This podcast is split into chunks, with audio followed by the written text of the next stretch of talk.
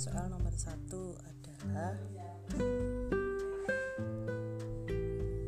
mengenai jelaskan dengan baik gambar nomor satu di samping. Kemudian apa saja kendala yang dihadapi manajemen perusahaan organisasi dalam mengambil keputusan?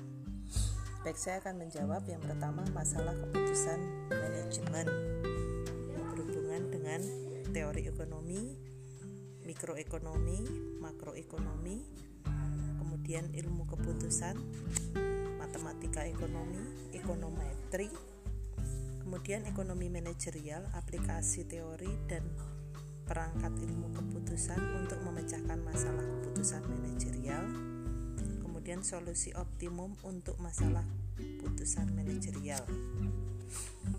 Baik, yang pertama, teori ekonomi mikro berkaitan dengan studi dan analisa dari perilaku segmen individual dalam perekonomian seperti konsumen individual, pekerja dan pemilik sumber daya perusahaan, atau industri. Ekonomi metrik dengan rumus I sama dengan A min B1P tambah B2Y min B3PC plus B4PS.